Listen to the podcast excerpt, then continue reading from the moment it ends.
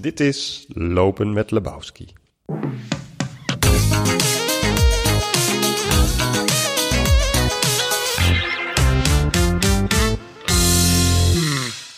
Vrienden en vriendinnen van de literatuur. Anne Moraal is debutant en eindredacteur van radioprogramma Nooit meer slapen. Ze gaat met redacteur Jasper Henderson in gesprek over haar debuut Honden huilen niet. In het Amsterdamse Power of Art House. Daar exposeert de uit Noord-Korea gevluchte propagandakunstenaar Song Byuk.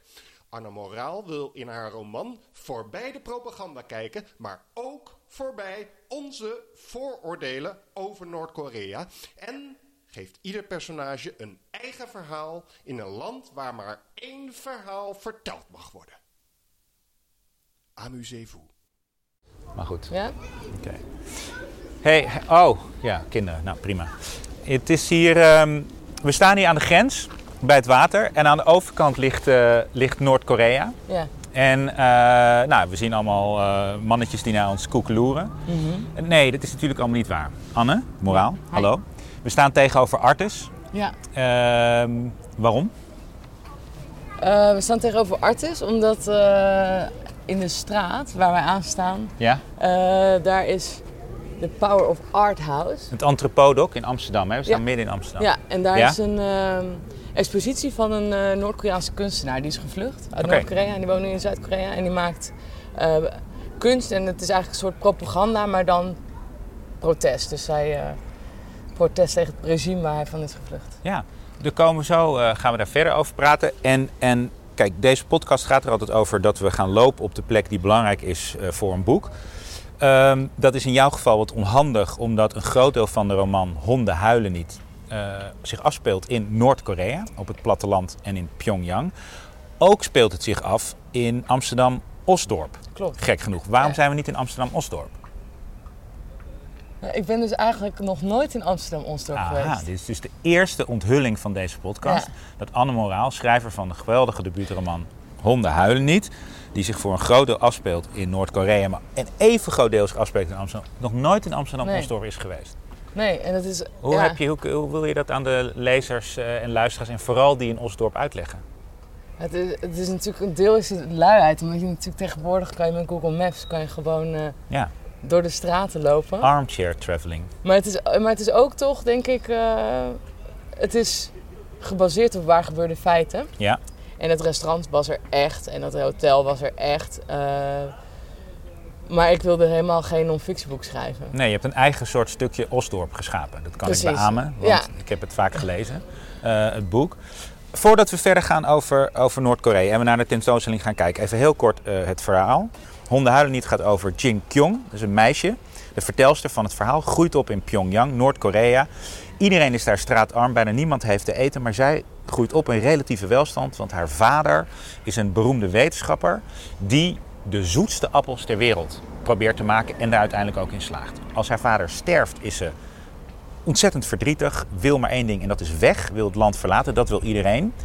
Maar zij krijgt ook die kans, want, en dat is ook een echt verhaal, dat heb je gevonden, in Nederland in de jaren 90 waren er twee broers, in het boek heet ze Richard en Richard, die om wat voor reden dan ook een Noord-Koreaans restaurant wilden beginnen. En dat is op dat moment het enige Noord-Koreaanse restaurant buiten Noord-Korea. In, Europa. In ieder geval. Europa in ieder geval.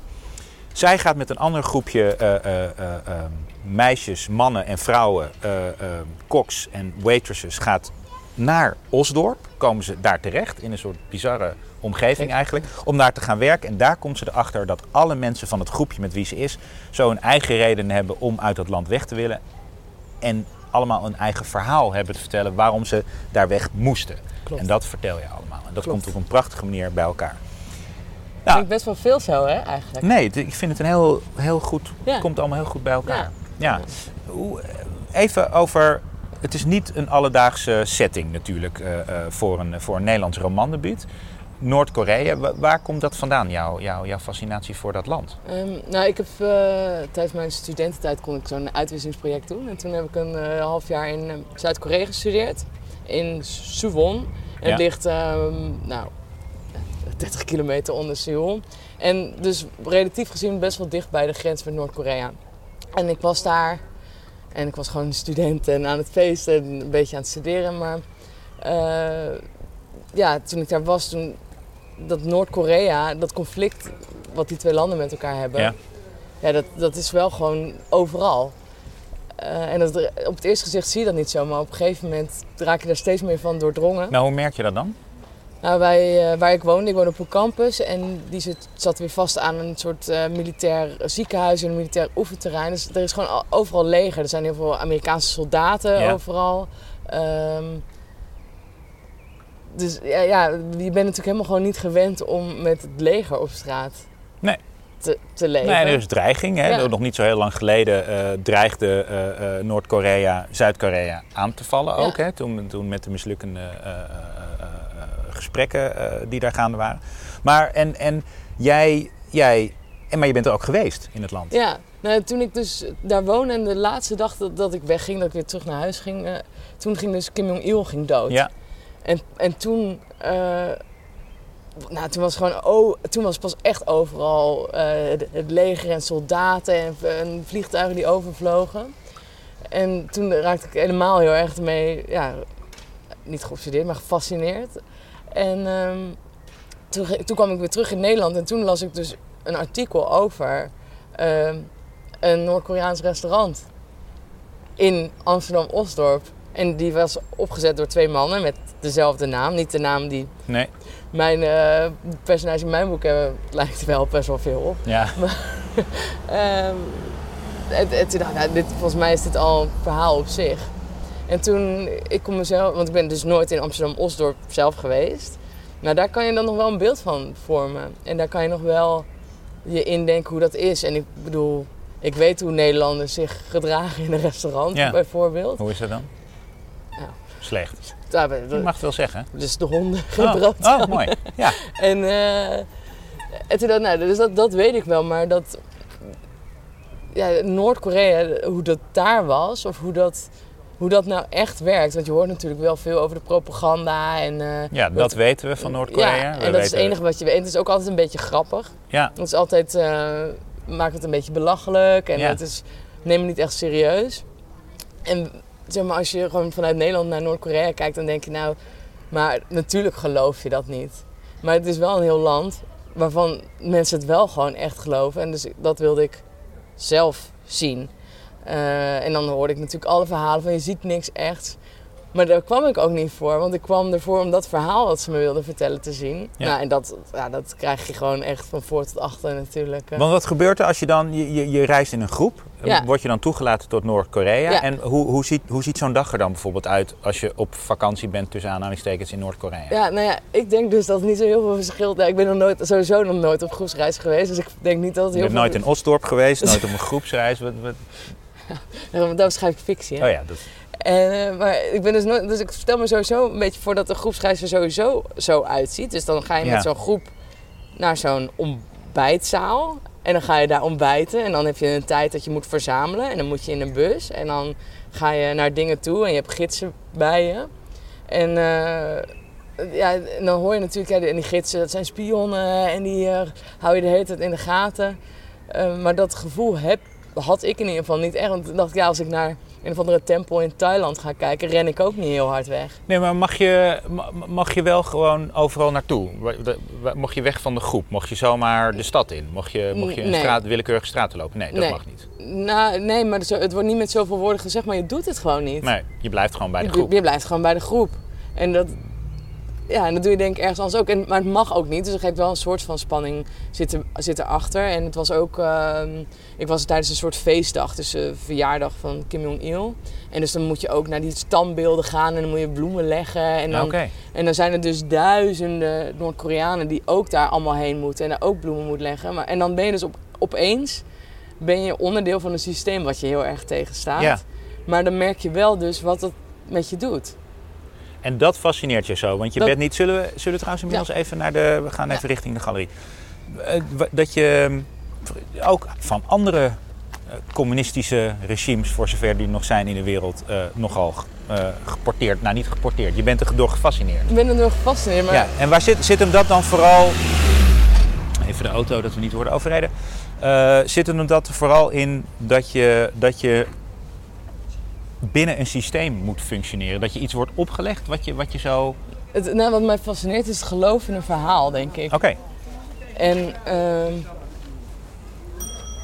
en wat dat dan met mensen kan doen. Want het is natuurlijk het is verschrikkelijk. Zeg maar, want het, ik ben altijd heel bang dat mensen nou dan denken dat ik soort van... Uh, heel erg pro dat regime ben. Want het is wat dat betreft ook niet een heel kritisch boek op dat regime. Maar daar, daar gaat het niet om. Het gaat om um, wat het met mensen doet. Zo nou ja, je probeert inderdaad te laten zien hoe, hoe ze uh, gewoon proberen een vorm te vinden binnen dat verhaal. Hoe ze zich met hun hele menselijkheid, dat vind ik een van de mooie dingen van de hele roman, uh, toch moeten voegen binnen dat strikte regime. Ja. Alleen dat lukt natuurlijk niet altijd, nee. want daar zijn het mensen voor. Die gaan Precies. alle kanten op. Maar, en, maar dat is eigenlijk wat dat betreft, en dat, dat is wel een van de dingen die ik dan wel wilde laten zien, is dat dat niet anders is dan, dan hier.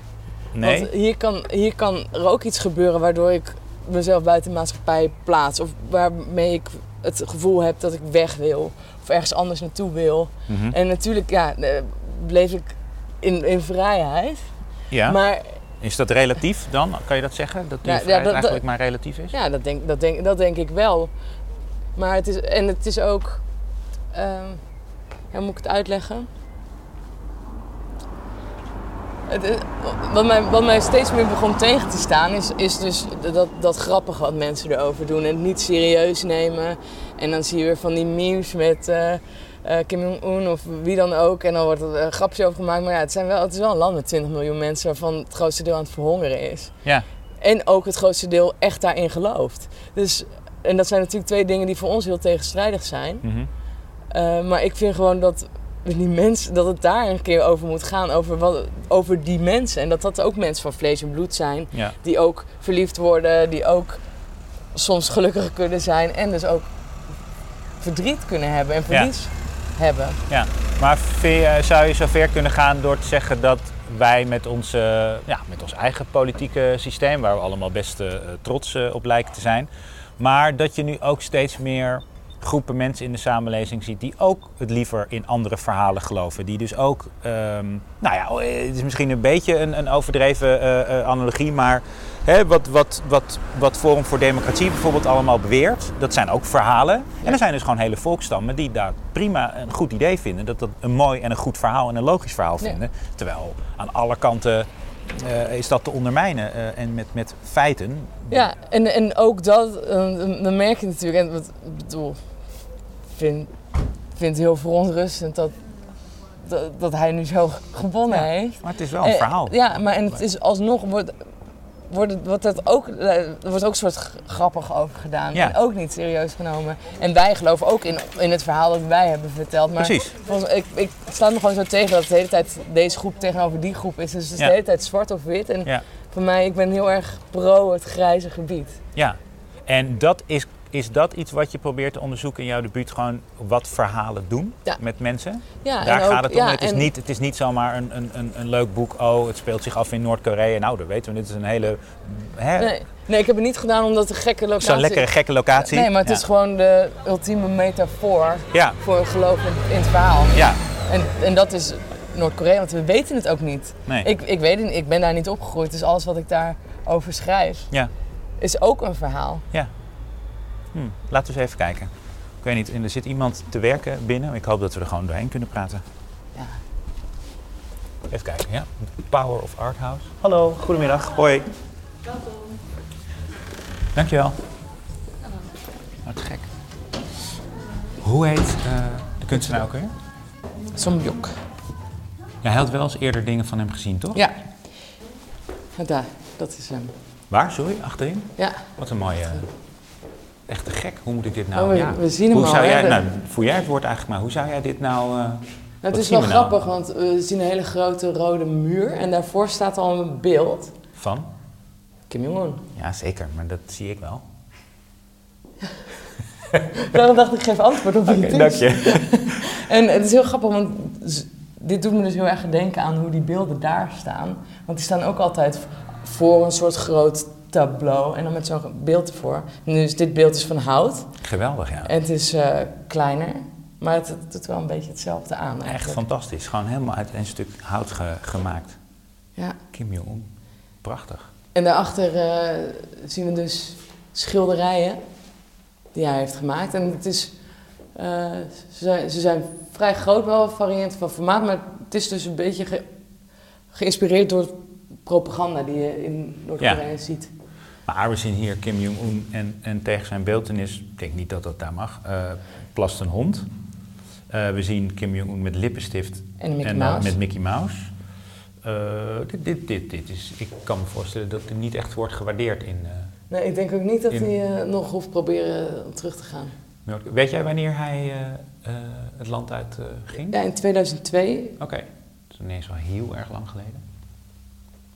Oh nee, ik, ik lees hier nu dat hij eh, in 1990, eh, want toen was natuurlijk, dat heet dan de Grote Mars, dat is die hele grote hongersnood. Ja? En toen is hij dus gevlucht naar China, wat eigenlijk de meeste eh, Noord-Koreanen doen. Ja. Eh, of dat is ja, een hele bekende vluchtroute. Eh, toen is hij in China gekomen, eh, daar naartoe ontsnapt en toen in 2002 is hij in Zuid-Korea gekomen. Maar dat is natuurlijk voor hun een hele lange reis. Want ze moeten via China en in China, worden ze, als ze worden gevonden, worden ze weer teruggedeporteerd. Ja. Dus helemaal via China, vaak via Vietnam en dan in Zuid-Korea. En Zuid-Korea heeft een regeling Ja. eh, dat zij daar gewoon eh, onderdak krijgen. In jouw boek speelt ook een rol, toch? Wordt het ook genoemd, de grote mars? De zware mars, De ja. zware mars, ja. ja. Wat, wat, was het precies? Kun je daar iets over vertellen? Ja, dat was eigenlijk na de val van de muur en de, ja, de, het ineenstorten van eh, communisme over de hele wereld. Eh, dat eh, Noord-Korea ge- geldstromen kwijtraakte. En dat resulteerde erin dat er eh, een hele grote hongersnood was. Wat nu zie je eigenlijk bijna een beetje hetzelfde weer gebeuren. En nou, dat was gewoon echt de verhalen die ik daarvan heb gehoord. En mensen die boomschors eten om nog maar iets te Ja. hebben. Ehm, ja, gewoon verschrikkelijk. En uit- wel met een regime die zelf... we hebben allemaal de foto's gezien hoe, ze- hoe, zij, eruit, banketten en, eh, ja, hoe zij eruit zien. Ja. Dus, maar en als, jij, als jij naar die kijkt, hè, wat, zie je, wat zie je dan? Nou ja, een eh, groep mensen die eh, buigt voor, voor ook weer voor, ja, bij de voeten van Kim Jong-un, neem ik aan. Maar één van die mensen heeft vleugels op zijn rug. Zie ik dat goed? Ja, volgens mij wel.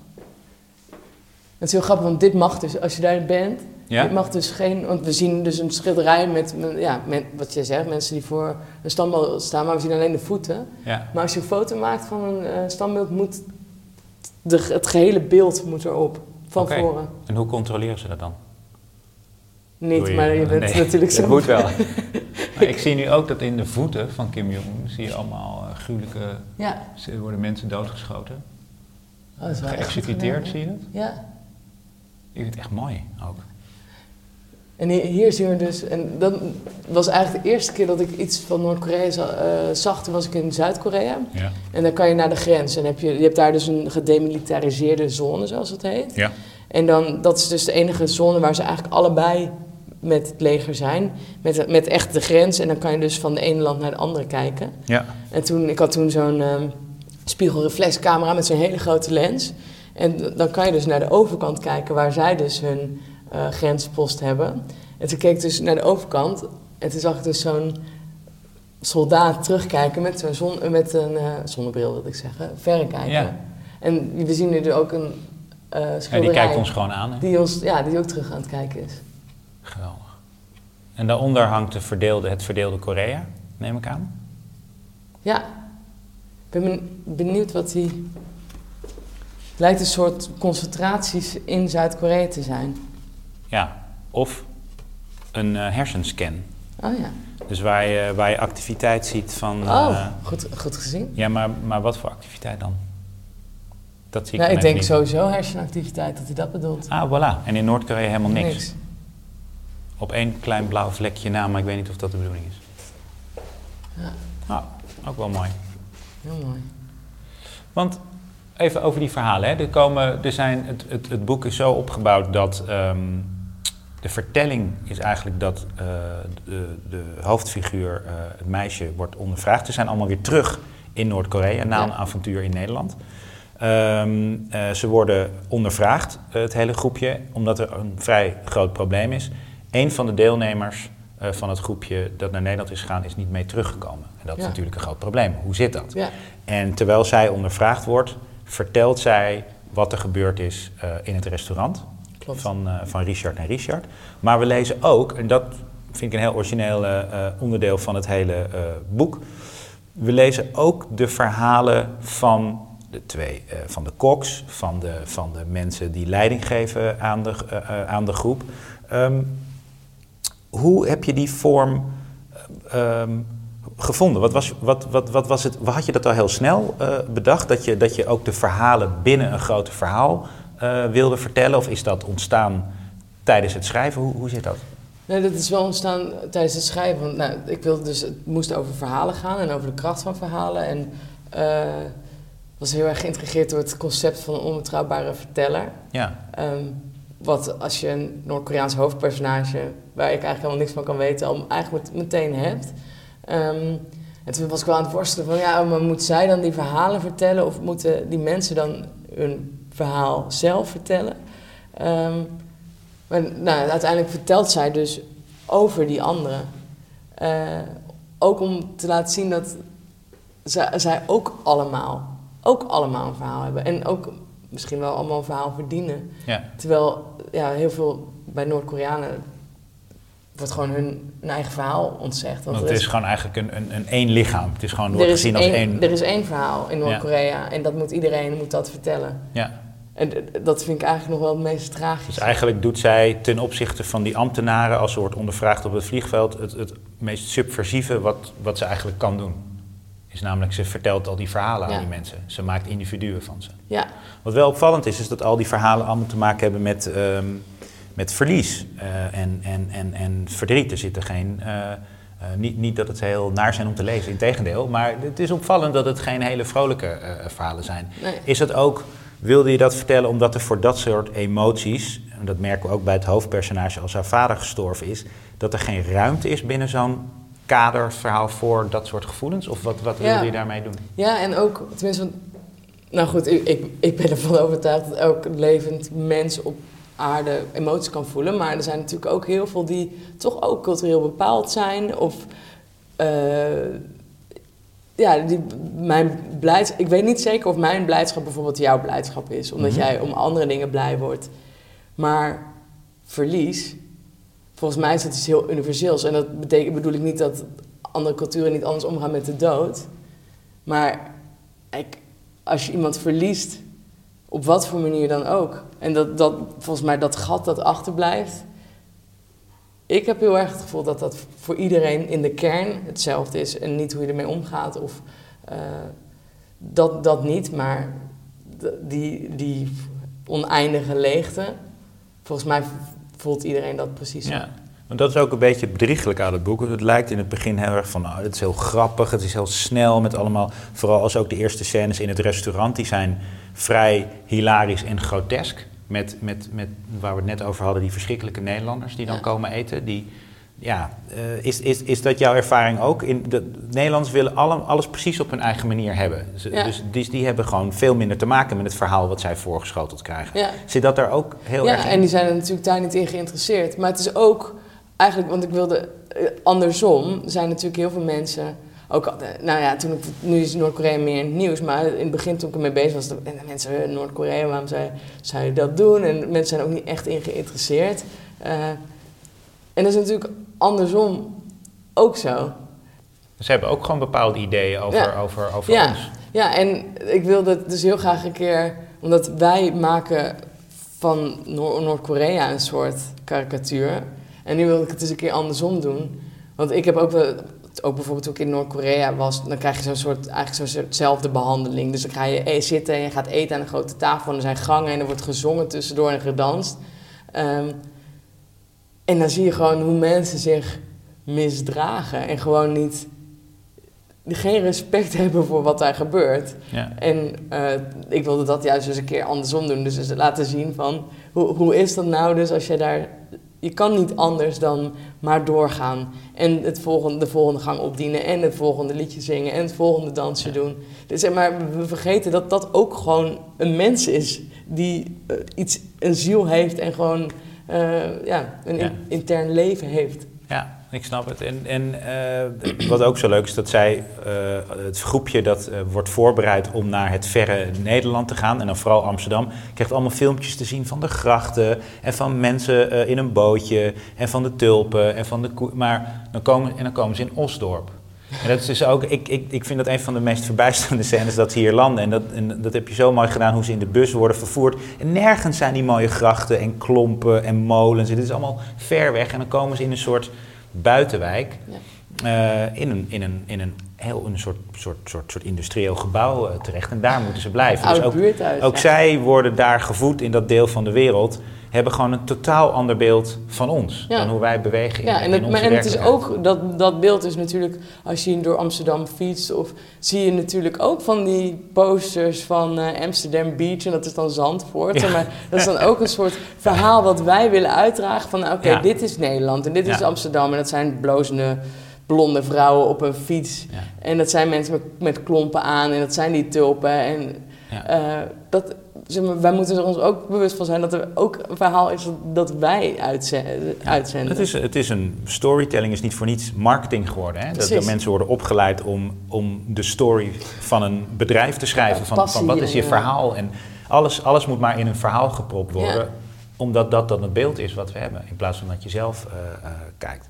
Maar even over Noord-Korea. Nog heb je, wat ik proef ook wel een beetje in je, in, omdat je dus uh, in, je, in, je, in je eigen leven, maar ook in het boek, dat natuurlijk, het is een, het is een bizar land volgens mij en, en echt ook afschuwelijk. We, we kijken net in de schoenen van Kim Jong-un naar, naar executies en dat. Maar oké, in de abstracte zin is er ook iets van een soort vage bewondering niet ook voor, voor regimes die die ondanks alles blijven vasthouden aan dit ene verhaal. Ik bedoel, we, we kijken nu weer naar de kaart. Zuid Zuid- en Noord-Korea. Het is echt klein. Ja. Maar dat is wel, in Nederland is natuurlijk ook piepklein, maar het is wel een, echt een stronghold. Het is gewoon een soort een van de laatste bastions van dat verhaal. Ja. En dat blijft ook zo, dat, denk dat ik. ja, dat blijft, ja, dat blijft ook zo, want er is natuurlijk nou, er staat geopolitiek echt ook heel veel over te zeggen. Maar niemand heeft er baat bij eigenlijk dat dat, dat regime weggaat. Nee. En daardoor blijft er gewoon 20 miljoen mensen blijven, ja, die groeien debiel op van de honger. Ja. En het is eigenlijk, ik vind het eigenlijk echt schandalig. En dan ben ik daar en dan kan je gewoon een flesje Heineken drinken en dan kan je gewoon, uh, zeg maar, het is, het is heel dubbel. Dat is lastig lijkt me. Ja, ja, en aan de andere kant ga ik daar ook heen en betaal daar ook geld voor. Ja, dat is waar. Dat is waar. En uh, ik ben eigenlijk wel benieuwd naar de andere uh, dingen die we zien. Wat is... Even kijken hoor. Volgens mij is dat Victoria Lomasco. Ja. Maar dit is dan Russisch. Russisch. Dat is Rusland, ja. Dus dit zijn allemaal kunstenaars die in uh, onderdrukkende regimes werken en opereren, neem ik aan. Ja, dat, volgens mij ook. Dit is Qatar. Uh, Qatar. Ja, Qatar, Sudan. ja. Oh, hij, leeft, hij woont in Qatar, Sudan. Mooi. En Brazilië. En wat, wat hoop je dat eigenlijk als de mensen. Nou, het boek komt over, niet, nou, over een paar weken uh, pas uit. Maar wat, wat, wat hoop je dat mensen uh, van honden huilen niet mee gaan krijgen? Behalve dat het een prachtig boek is en het een heel mooi verhaal. Maar wat, wat hoop je dat er achterblijft? Nou, gewoon weer. Zeg maar, ik heb echt. In mijn leven heeft fictie mij echt, echt geholpen. Maar echt. Wat voor manier dan? Nou, ik ik vind het soms jammer dat tegenwoordig is er natuurlijk een hele erge trend van non-fictie. Mhm. En mensen willen dat het echt gebeurd is. En mensen willen. Uh, weet je, daarom is ook al die ophef over fake news en media en die liegen ons voor. En, en soms denk ik, ja, maar die leugen vind ik ook iets heel moois. Ja. En juist in die, die leugen of het verhaal, daar kan je ook heel veel uithalen. Want ik, ik zit niet per se te wachten op iemands echt persoonlijke verhaal, maar het grotere verhaal waar meer mensen een soort van uh, bij aan kunnen sluiten, mm dan dat is voor mij fictie. Dus in fictie zit wat dat betreft soms gewoon meer waarheid dan in, uh, dan in zogenaamde non-fictie. Ja, en dan, en dan hoeft het niet eens heel waar te, hoeft het niet eens waarachtig te zijn. Nee. Nee. En, uh, en ik, af en toe vind dat vind ik af en toe jammer. Los van dat er heel veel goede schrijvers zijn die heel autobiografisch schrijven. En dat is prachtig en dat is goed. Maar ik vind, ik vind het jammer. Ik vind het heel, ja, ik vind het zonde. Want nou, ik ben dan natuurlijk als klein kind opgegroeid met Roald Dahl. Daarna zijn hele volwassen oeuvre gaan lezen. Maar dat is ook allemaal bizar. En dingen kloppen niet. En mensen kunnen met dieren praten. En, eh, maar dat kom je bijna niet meer tegen tegenwoordig. Nee. Nee, is dat dan omdat, omdat mensen er geen tijd voor meer voor willen nemen? Omdat ze liever willen, omdat de tijd juist om hen heen zo snel gaat, dat ze meer willen leren begrijpen van wat er om hen heen gebeurt, dat ze daarom non-fictie lezen? Ja, ik, denk, ik denk gewoon, we zijn inmiddels zo, al zo gedrild op dat we de waarheid willen. Dat dat nu ook iets is wat in de mens gewoon, wat zonder erbij na te denken, zoiets zo is. Dat, Zo heet eh, je hoofdpersoon toch? De waarheid.